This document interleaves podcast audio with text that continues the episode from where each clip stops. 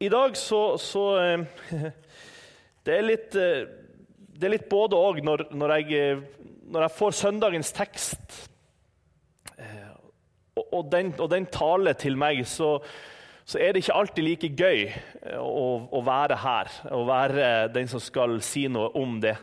I dag er en sånn dag der det kan være utfordrende å høre på. Og eh, jeg håper at du eh, kan be i ditt sinn om at du må få lov til å ha et åpent hjerte eh, for det som Gud eh, har lagt på mitt hjerte i dag, og det Han vil tale til oss i dag. Det kan hende jeg kommer til å si ting i dag som kommer til å treffe noen. Det er bra. Men det kan hende at noen av dere tenker at dette er harde ord. Det kan hende at noen av dere kommer til å tenke nå er han der jyplingen eh, på viddene. Men jeg Ja. Det er, en, det er en litt sånn dag i dag. Så dere får, eh, dere får be om at Gud må, må åpne hjertene våre. Vi skal be litt sammen først nå. Kjære Jesus, nå må du tale til oss, Herre. Gi oss din visdom. Herre, åpne opp hjertene våre og la det bli til liv for oss, Herre. Herre, la dine ord forandre oss. La dine ord få en sånn eh, plass iblant oss at det forandrer oss, Herre, at det preger oss. Herre, tal til oss, og Herre, gjør det stille i vårt indre nå. I ditt hellige navn. Amen.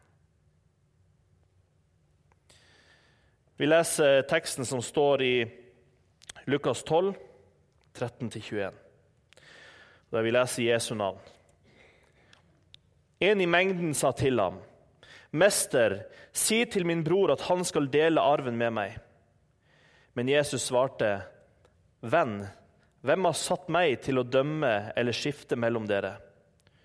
Så sa han til dem alle, 'Pass dere for pengebegjær, for det er ikke det en eier som gir livet, selv om en har overflod.'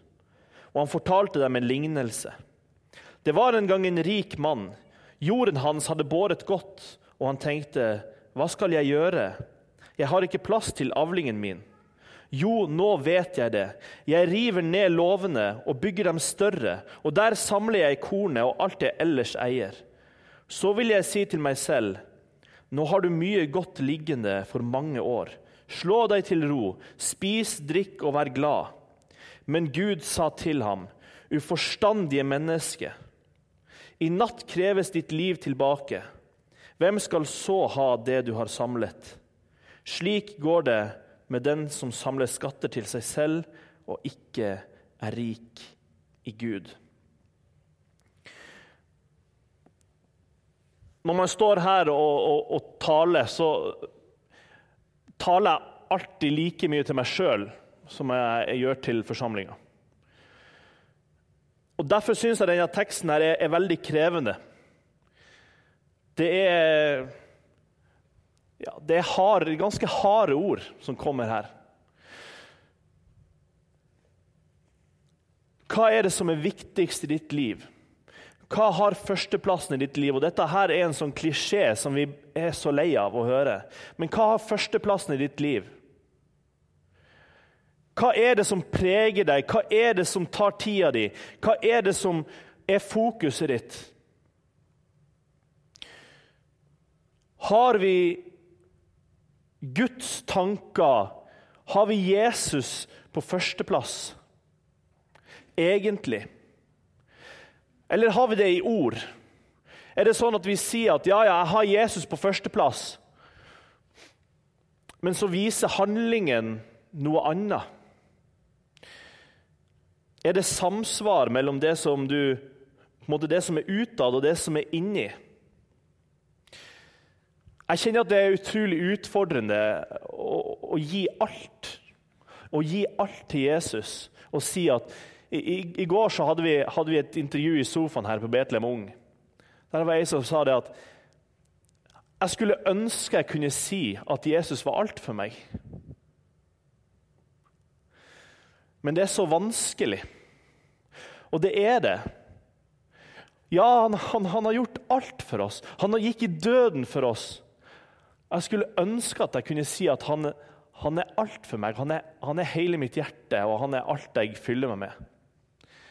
Men så vet jeg at det, det er ikke sant. Jeg vet at det er så mange andre ting som ofte konkurrerer om den førsteplassen. Og så sier hun det at men, men han har aldri svikta. Han er alltid trofast, og han, er, han kan jeg stole på.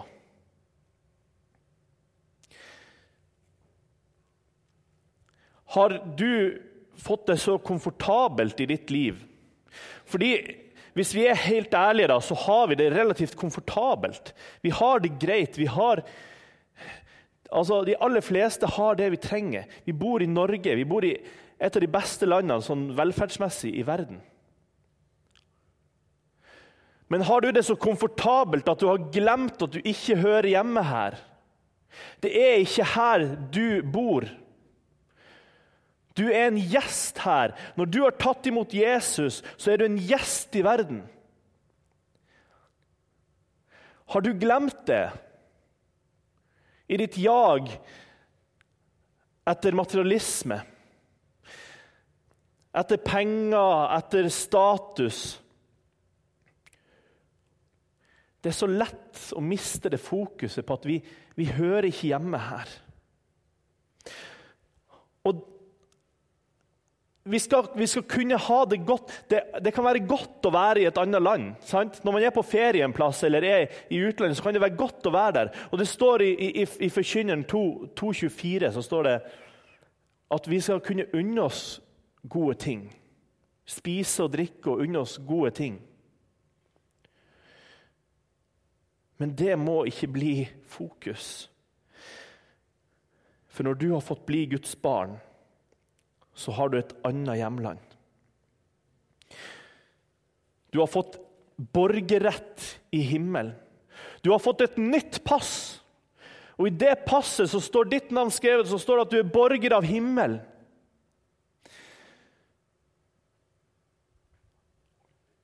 Når eh, Jeg har vært noen ganger i Israel, og der er det sånn du får en sånn liten lapp der det står at du får lov til å reise hjem. Sånn, eh, og Den må du huske å ha med deg på flyplassen. Hvis ikke så kommer du ikke ut av landet. Og, og det har blitt sterkt for meg, det bildet der. Den lille lappen der. Eh, har du fått en sånn lapp? Har du fått en sånn hjemreisetillatelse? Den må du huske på. Den er viktig. Det merket er viktig. Og det heter Jesu blod. Det har vi fått helt ufortjent. Og det viser Jesu blod viser når vi en dag står på, si, på flyplassterminalen og skal reise hjem, så er det den som gjelder. Det er den som gjelder, ingenting annet. Vi trenger, vi trenger penger. Selvfølgelig gjør vi det. Vi trenger penger for å overleve. Men hva er det som er herre i livet ditt? Hva er det som har førsteplassen? Er det pengene dine? Hvis alt ble tatt ifra deg nå Hvis huset ditt ble tatt, bilen din ble tatt, hytta di ble tatt, båten din ble tatt, pengene dine ble tatt hva sitter du igjen med? Sitter du igjen og tenker at 'nå har jeg ikke et liv som er verdt å leve lenger'? Hvis helsa di blir tatt, sitter du igjen med et liv som er verdt å leve?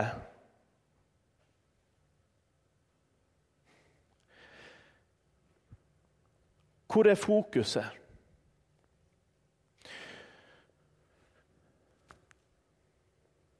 Det er et, et, et, ordtak som jeg las i Harstad-tiden for mange år siden. Der står det Det kunne nesten stått i Bibelen, det gjør ikke det, da.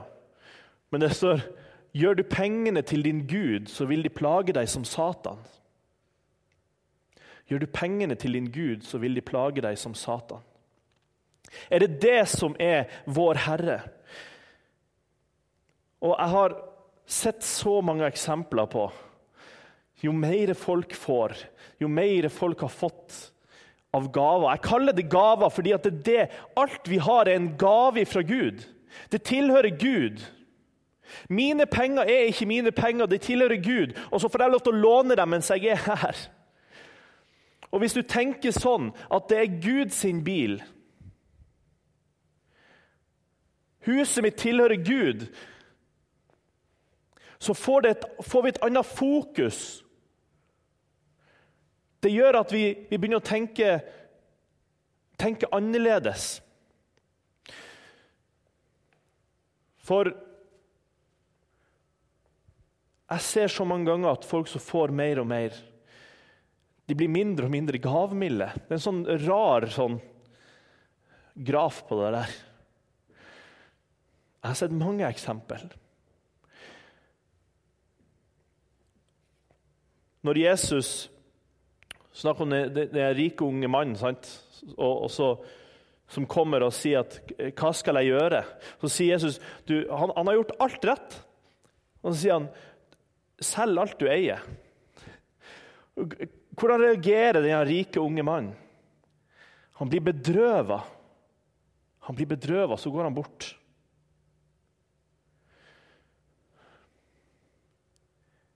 Er det det materielle som er herre i vårt liv? Når Jesus, når Jesus kalte disipler, så gikk han langs ei strand en morgen. Og Så treffer han noen fiskere. Og så, og så sier han til dem ganske enkelt Følg meg. Sier han, følg meg, så skal jeg gjøre dere til millionærer. Følg meg, så skal jeg fylle opp bankkontoen din. Følg meg, så skal jeg love deg at du aldri mer skal være syk. Følg meg, så skal jeg velsigne deg med biler og båter og hus og det som er. Nei, Han sa, 'Følg meg, så skal jeg gjøre dere til menneskefiskere'. Hva gjorde disiplene? De slapp garnene sine, forlot alt og fulgte han. De sa fra seg levebrødet sitt. Den sikkerheten som skulle, som skulle sørge for dem, skulle sørge for familien, det ble plutselig borte fordi Jesus har sagt 'følg meg'. Og så ser de at dette er viktigere Dette er viktigere enn levebrødet mitt. Dette er viktigere enn inntekta mi. Og jeg tror at hvis du, hvis du, snakker med disiplene, hvis du får muligheten til å snakke med dem, så hadde de sagt at det var verdt det. Fordi Jesus var trofast. Og så ser vi eksempel på De, de ikke de, de hadde ikke problemfrie liv, disiplene heller. Det var mange av de som altså de, de døde martyrdøden. De ble forfulgte.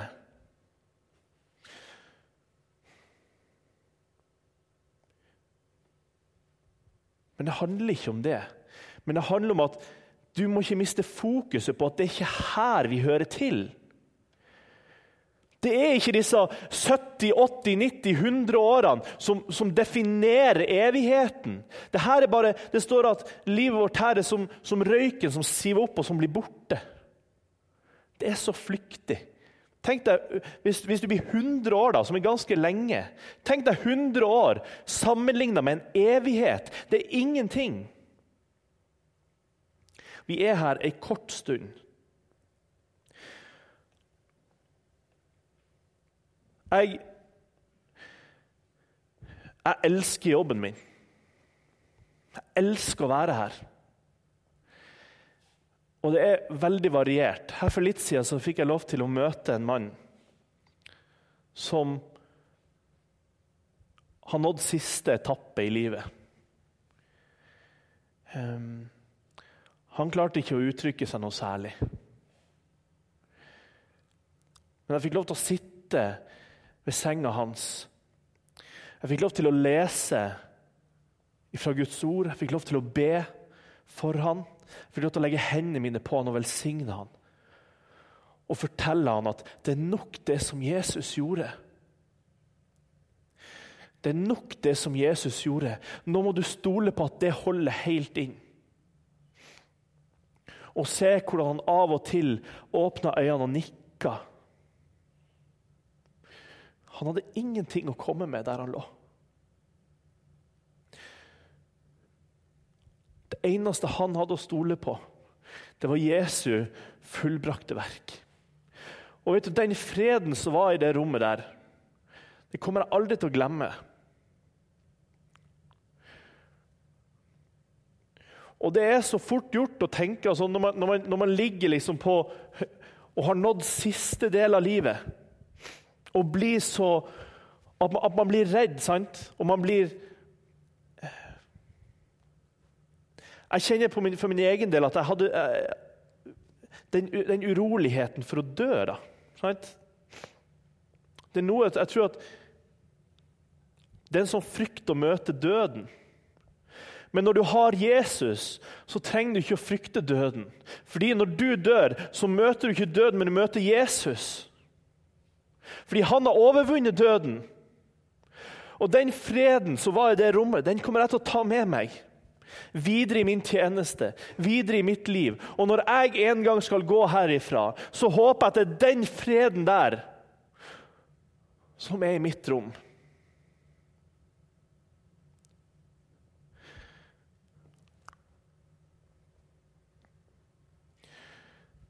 Du får ingenting med deg av alt du samler deg her. Du får ingenting med deg. Det er en sang som jeg, jeg sang mye da jeg var liten. Ja, det er fantastisk. Vi får ikke med oss noe. Vi får ikke med oss noen ting. Mamma bruker å si det er ikke lomma i likskjorta. Det er ikke det. Og Kanskje Og nå, nå merker jeg at nå beveger jeg meg på tynn is. Kanskje du skal be til Gud om at han gjør deg frimodig i din givertjeneste. Og Grunnen til at jeg sier at jeg beveger meg på tynn is, det er fordi at, ikke fordi at det jeg sier nå er feil, men fordi at det er så mange som eh, ja, Det er mange eksempler på folk som tigger om penger og som gir deg noen løfter. da. Og det er viktig å presisere det er gitt noen løfter i forbindelse med givertjeneste i Bibelen. At Gud skal velsigne en glad giver. Og så hørte jeg en uh, TV-predikant, jeg skal ikke nevne navn Men jeg tror det er ganske mange av oss som vet hvem jeg snakker om. Som nettopp sier det at hvis du gir inn 3000 kroner, så skal Gud fylle opp bankkontoen din.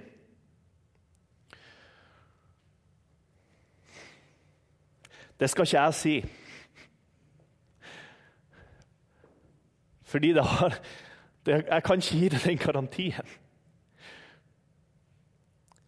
Men det står at Gud skal velsigne en glad giver. Og så er spørsmålet hva er, hva, hva er meninga med det, da? For å ta et eksempel så må jeg ta fram bestemor igjen. Jeg tror jeg snakker om henne hver gang jeg er her oppe. og Det er fordi jeg er så glad i henne. Og, og hun, er, hun, hun, har lært meg så mye i livet. Og hun eh, Mamma fortalte meg en gang hun var lita. Bestemor og bestefar de hadde et lite småbruk utenfor, i lita bygd utenfor Harstad. Det var ingen vei. De måtte, hvis de skulle inn til byen, så måtte de ro ganske lenge. Eh, de hadde veldig lite. Veldig lite. De klarte seg sjøl. Bestefar var på fiske og klarte å få mat til familien. Eh, bestemor drev gården, hadde flere unger. Og så sier mamma forteller følgende Og Jeg tror ikke det var meninga at hun skulle høre den samtalen. Men bestemor sitter ved kjøkkenbordet. Hun skal på kvinneforening. Og og så sier hun det, Peder, nå, nå har vi ikke penger. Nå har vi to kroner. Og det blir tatt opp kollekt på Kvinneforeninga. Hva gjør vi? Da sier bestefar, vi gir det til Gud. Vi gir det til Gud. Han har aldri svikta oss før.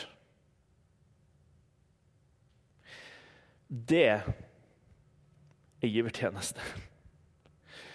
Håper å si, du kan, det kan godt hende at, at, at, at du, har, du, har, en formue på 100 millioner, og så gir du 10 000 kroner, og så tenker vi 'Å, det var flott'.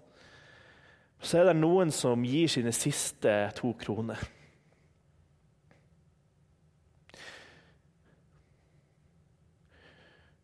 Kanskje Gud skal få lov til å gjøre noe med givertjenesten vår, noe med givergleden vår.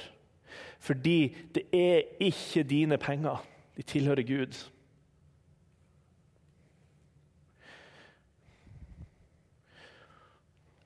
Og jeg, jeg tenker, hvis jeg, hvis jeg, kjenner meg gniten av og til, så tenker jeg på bestemor. Da tenker jeg på de to kronene der. Vi gir det til Gud. Han har aldri svikta oss før. Han har, han, fylte, han har aldri fylt opp bankkontoen til bestemor. Han har aldri, han har aldri sagt at når du nå gir, så skal deg, skal jeg gi deg helse. Jeg skal gi deg god helse resten av livet. Det har han aldri lovt. Men bestemor har fortsatt å gi. Og når hun får pensjonen sin, så går mesteparten av det ut igjen.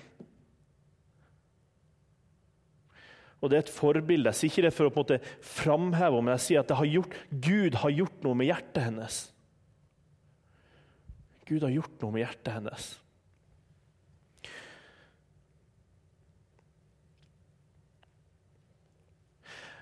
Det, er, det står i, i Matteus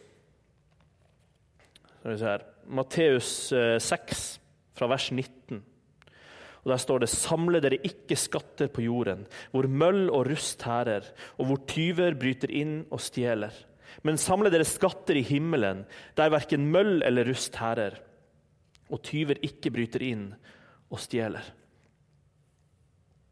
Står det i vers 21.: For hvor din skatt er, der vil også ditt hjerte være. Hvor din skatt er, der vil også ditt hjerte være.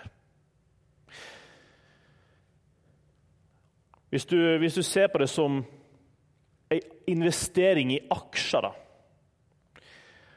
Hvis du har investert dine aksjer her på jorda og sagt at her skal jeg investere alt jeg har Det er her. Så skal jeg komme nå med et tips til deg. Og det er følgende. Den aksjekursen synker til null. Jeg vet ikke når, men den aksjekursen kommer til å nå null. Eiendommen du har Vi snakker liksom om boligpriser som øker, og ja, det er så flott. Og, men en dag så blir eiendommen din verdt null. Null. Fordi det står at himmel og jord skal forgå. Himmel og jord skal bli borte. Men Guds ord står fast. Guds rike skal aldri forgå. Skjønner du hva jeg mener? Vi må ikke investere det vi har her. Og Jeg, jeg blir så velsigna når, når, når, møteleder har måtte åpne med ord som jeg har tenkt å si. Og da tenker jeg Gud, nå har du noe som, dette er noe som du vil ha fram. La sinnet være vendt mot det som er der oppe, ikke det som er på jorda. Tenk på det. Tenk på evigheten. Ha blikket festa på målet der framme. Og, og, en annen ting som skal forgå kroppen din skal forgå. Om noen år så ligger du i ei grav. Og det er noen av dere som kjenner på at alderen har begynt å sette sine spor. Man kan se det på utsida, og man kan kjenne det på innsida. Hvordan alderen setter sine spor. Alt skal forgå, også du. Da er spørsmålet hvor er du på vei hen? Du må ikke tenke at du er her alltid, for det er du ikke. Men himmelriket er bestandig. Og jeg kjenner jeg gleder meg sånn til å komme til himmelen. Jeg har en sånn lengsel etter å komme hjem. Og det er, ikke fordi jeg, det er ikke fordi jeg er ikke glad i livet mitt her, men det er fordi at jeg kjenner at jeg, jeg lengter hjem til det evige. Jeg lengter etter å få et legeme som er helt. Et legeme som ikke er sykt. Et legeme som Et herlighetslegeme. Jeg gleder meg til å være med Jesus i evighet. Og hvis du er som denne mannen som vi leste om i søndagens tekst, som har samla og samla og samla Din kassakiste er din Gud, men så en aften får du bud. Alle slantene dine hjelper deg ingenting da. Det er kun én ting som hjelper ved himmelens port, og det er Jesus. Har du Jesus, så har du alt. Det er en evighet i vente. Himmelen er ikke noe tull. Himmelen er ikke et eventyr. Ofte så føler jeg at vi kristne har en, sånn der, en holdning til det som at ja, ja, det er en fin tanke. Det er en fin sånn Ja, ja, vi skal jo alle til himmelen, og ja, det blir flott. Men det er en realitet. Himmelen er på ordentlig. Han er det. Det er et, det er et sted fordi Jesus har sagt at 'jeg går, gjør, jeg går bort for å gjøre i stand et sted for dere'. Og når jeg har gått bort, så kommer jeg igjen for å hente dere til meg. Dere skal være med meg. Og dit jeg går, vet dere veien. Og så svarer Thomas, 'Ja, men Jesus, vi vet jo ikke hvor du går hen. Hvordan kan vi da vite veien?' Sier Jesus, jeg er veien, sannheten og livet. Ingen kommer til far uten gjennom meg. Du vet veien. Jesus må få lov til å ha førsteplass i livet ditt. Jesu fullbrakte verk må få lov til å være nok for deg når det gjelder evigheten.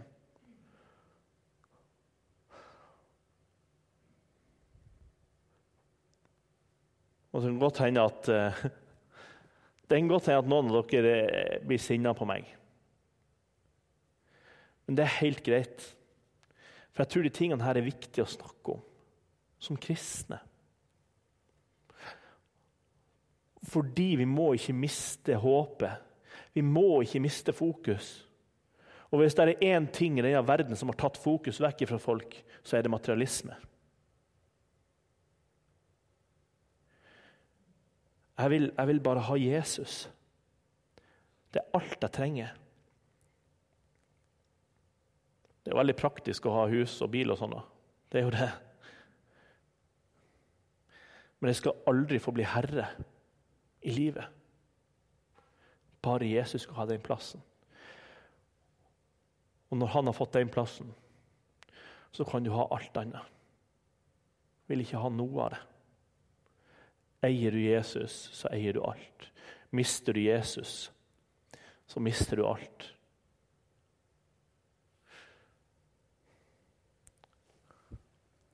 Jeg har lyst til å eh, avslutte.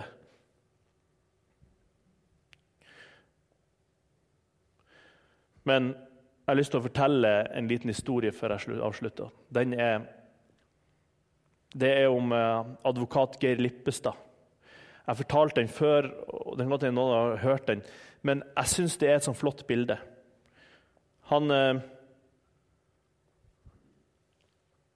han hadde ei, ei, datter som var veldig syk. Eh, og hun, eh, hun var inn og ut av sykehus ganske mye. Og fikk hjelp og kunne komme hjem igjen, og så måtte de inn igjen. Og, eh, og så kommer det til det punktet der de sier at ok, nå kan ikke vi gjøre mer. Nå er det Nå, nå, nå får vi ikke gjort mer. Da ligger Geir Lippestad inne på rommet sammen med dattera si. Ehm, og så sier hun, 'Pappa, kan vi dra på sykehuset?' Fordi hun visste at drar jeg på sykehuset, så blir jeg frisk igjen. Så sier far nei, det, det kan vi ikke.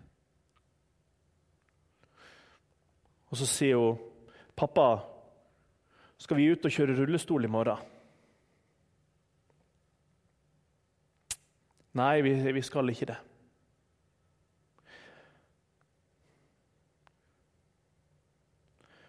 Men tenk meg den smerten for en far å måtte svare det. Nei, vi skal ikke det. Så blir det stille en stund, og så ser hun på far, og så peker hun på seg sjøl, og så peker hun på himmelen. Pappa, skal jeg til himmelen i morgen? Så sier han ja. Det skal du. Og da kommer det et spørsmål fra deg og dattera som si, har fulgt meg siden jeg hørte det intervjuet. Og det er spørsmålet 'Pappa, kommer du også?' Kommer du også? Og det er spørsmålet mitt til deg i dag. Kommer du også? Fordi jeg skal hjem. Og jeg vet ikke om det blir i dag, jeg vet ikke om det blir i morgen, eller om jeg blir 80 år men jeg skal hjem. Spørsmålet mitt er kommer du også?